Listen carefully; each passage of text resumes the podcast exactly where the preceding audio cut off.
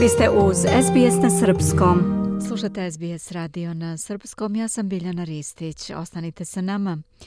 U nastavku tema iz nauke. NASA je objavila niz fotografija koje prikazuju najdublji pogled u svemir koji je čovečanstvo ikada ostvarilo. Na snimcima koje je napravio najmoćniji svemirski teleskop na svetu James Webb, U visokoj rezoluciji se vide galaksije udaljene preko 13 milijardi svetlosnih godina. To su neke od prvih galaksija koje su se formirale u univerzumu. Za SBS News piše Biva Kwan, prilog na srpskom pripremila Nataša Kampmark. Da čujemo. Ovakav pogled na svemir do sada nikada nije viđen i australijski naučnici se nadaju da će pomoći da se otkriju nove galaksije, kao i to da li su planete izvan našeg sunčevog sistema podobne za neke oblike života. Ovi prizori premašuju očekivanja astronomkinje doktorke Sabine Belsted sa Univerziteta Zapadne Australije. We were all jumping out of our seats or out of our beds or out of our offices wherever we were sitting this morning when we saw Gde god da smo se našli jutros, svi smo skočili na noge kad smo videli tu prvu fotografiju.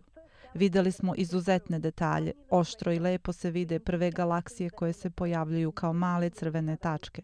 Vidimo galaksije koje se sudaraju i kidaju jedna drugu. I zbog nove rezolucije ove slike možemo videti sve te detalje. Tačkice i mrlje na ovim fotografijama zapravo predstavljaju prastare galaksije udaljene više od 13 milijardi svetlosnih godina. We can see individual clumps that are being torn apart. We can see galaxies that are Vidimo pojedinačne grudvice koje se cepaju, vidimo galaksije koje tutnje svemirom i ostavljaju tragove za sobom. Vidimo delovanje gravitacionog sočiva koje iskrivljuje slike galaksija pa izgledaju izduženo kao špagete. Postoji toliko mnogo priča koje nam kazuje ova slika, a to je tek mala trunčica neba. Doktorka Belsted je deo Međunarodnog svemirskog centra na Univerzitetu Zapadne Australije, koji je jedina australijska institucija koja se pojavljuje u nasinoj globalnoj prezentaciji novih slika. Fotografije su snimljene putem svemirskog teleskopa James Webb, koji je lansiran pre sedam meseci na Božić. Teleskop koji vredi 15 milijardi australijskih dolara je 100 puta moćniji od svog prethodnika, teleskopa Hubble, lansiranog 1990. godine. Podatke koje prikuplja ovaj teleskop analiziraju naučnici širom sveta, a među njima je i doktorka Rebecca McElroy sa Univerziteta Queensland koja proučava galaksije. What we will be looking for is the most distant objects. Tražit ćemo najudaljenije objekte. Oni će nam reći kakav je bio svemir kada je bio vrlo, vrlo mlad i kako su galaksije počele da nastaju i kako su se od tada razvijale. Dosta ćemo raditi i na proučavanju crnih rupa, a posebno ćemo pratiti kako crne rupe koje se nalaze u središtu galaksija deluju na galaksije u kojima se nalaze.